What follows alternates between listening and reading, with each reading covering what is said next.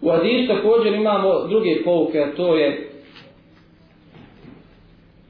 da, da, je, da treba početi sa onim što je bitnije. Poslanik Ali Salatu Veselam došao je u kuću, jel Itbana ibn Malika, i počeo je prvo da klanja, a bio je gotovi ručak. Bio je gotovi ručak. Poslanik Ali Salatu Veselam prvo klanjao na tom mjestu, kako ga je zamolio Itmana ibn Malik, pa su kasnije ručak.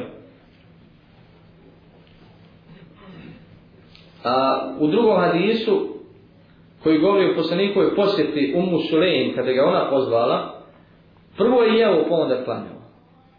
Znači dva različita postupka poslanika ne Kako ovo protumačiti? Kaže, kaže, kaže treba početi s onim što je bitnije. U prvom slučaju, pošto ga Itban ibn pozvao da klanja, znači to je osnovni razlog njegovog poziva, Počeo je poslanik Alehi Salatu nam sa onim što je bitnije. Pozvao ga radi toga ili je prvo klanju, to su kasnije. A u slučaju Umu Sulejim, ona ga je pozvala na jel. To je bio osnovni, znači, razlog poziva ili osnovni poziv i on je prvo jeo pa je onda klanjao. Znači oba slučaja je počeo sa onim što je bitnije. Znači tako i mi trebamo u svojoj praksi, u svom životu uvijek da radimo ono što je bitnije, pa onda ono što je manje bitno.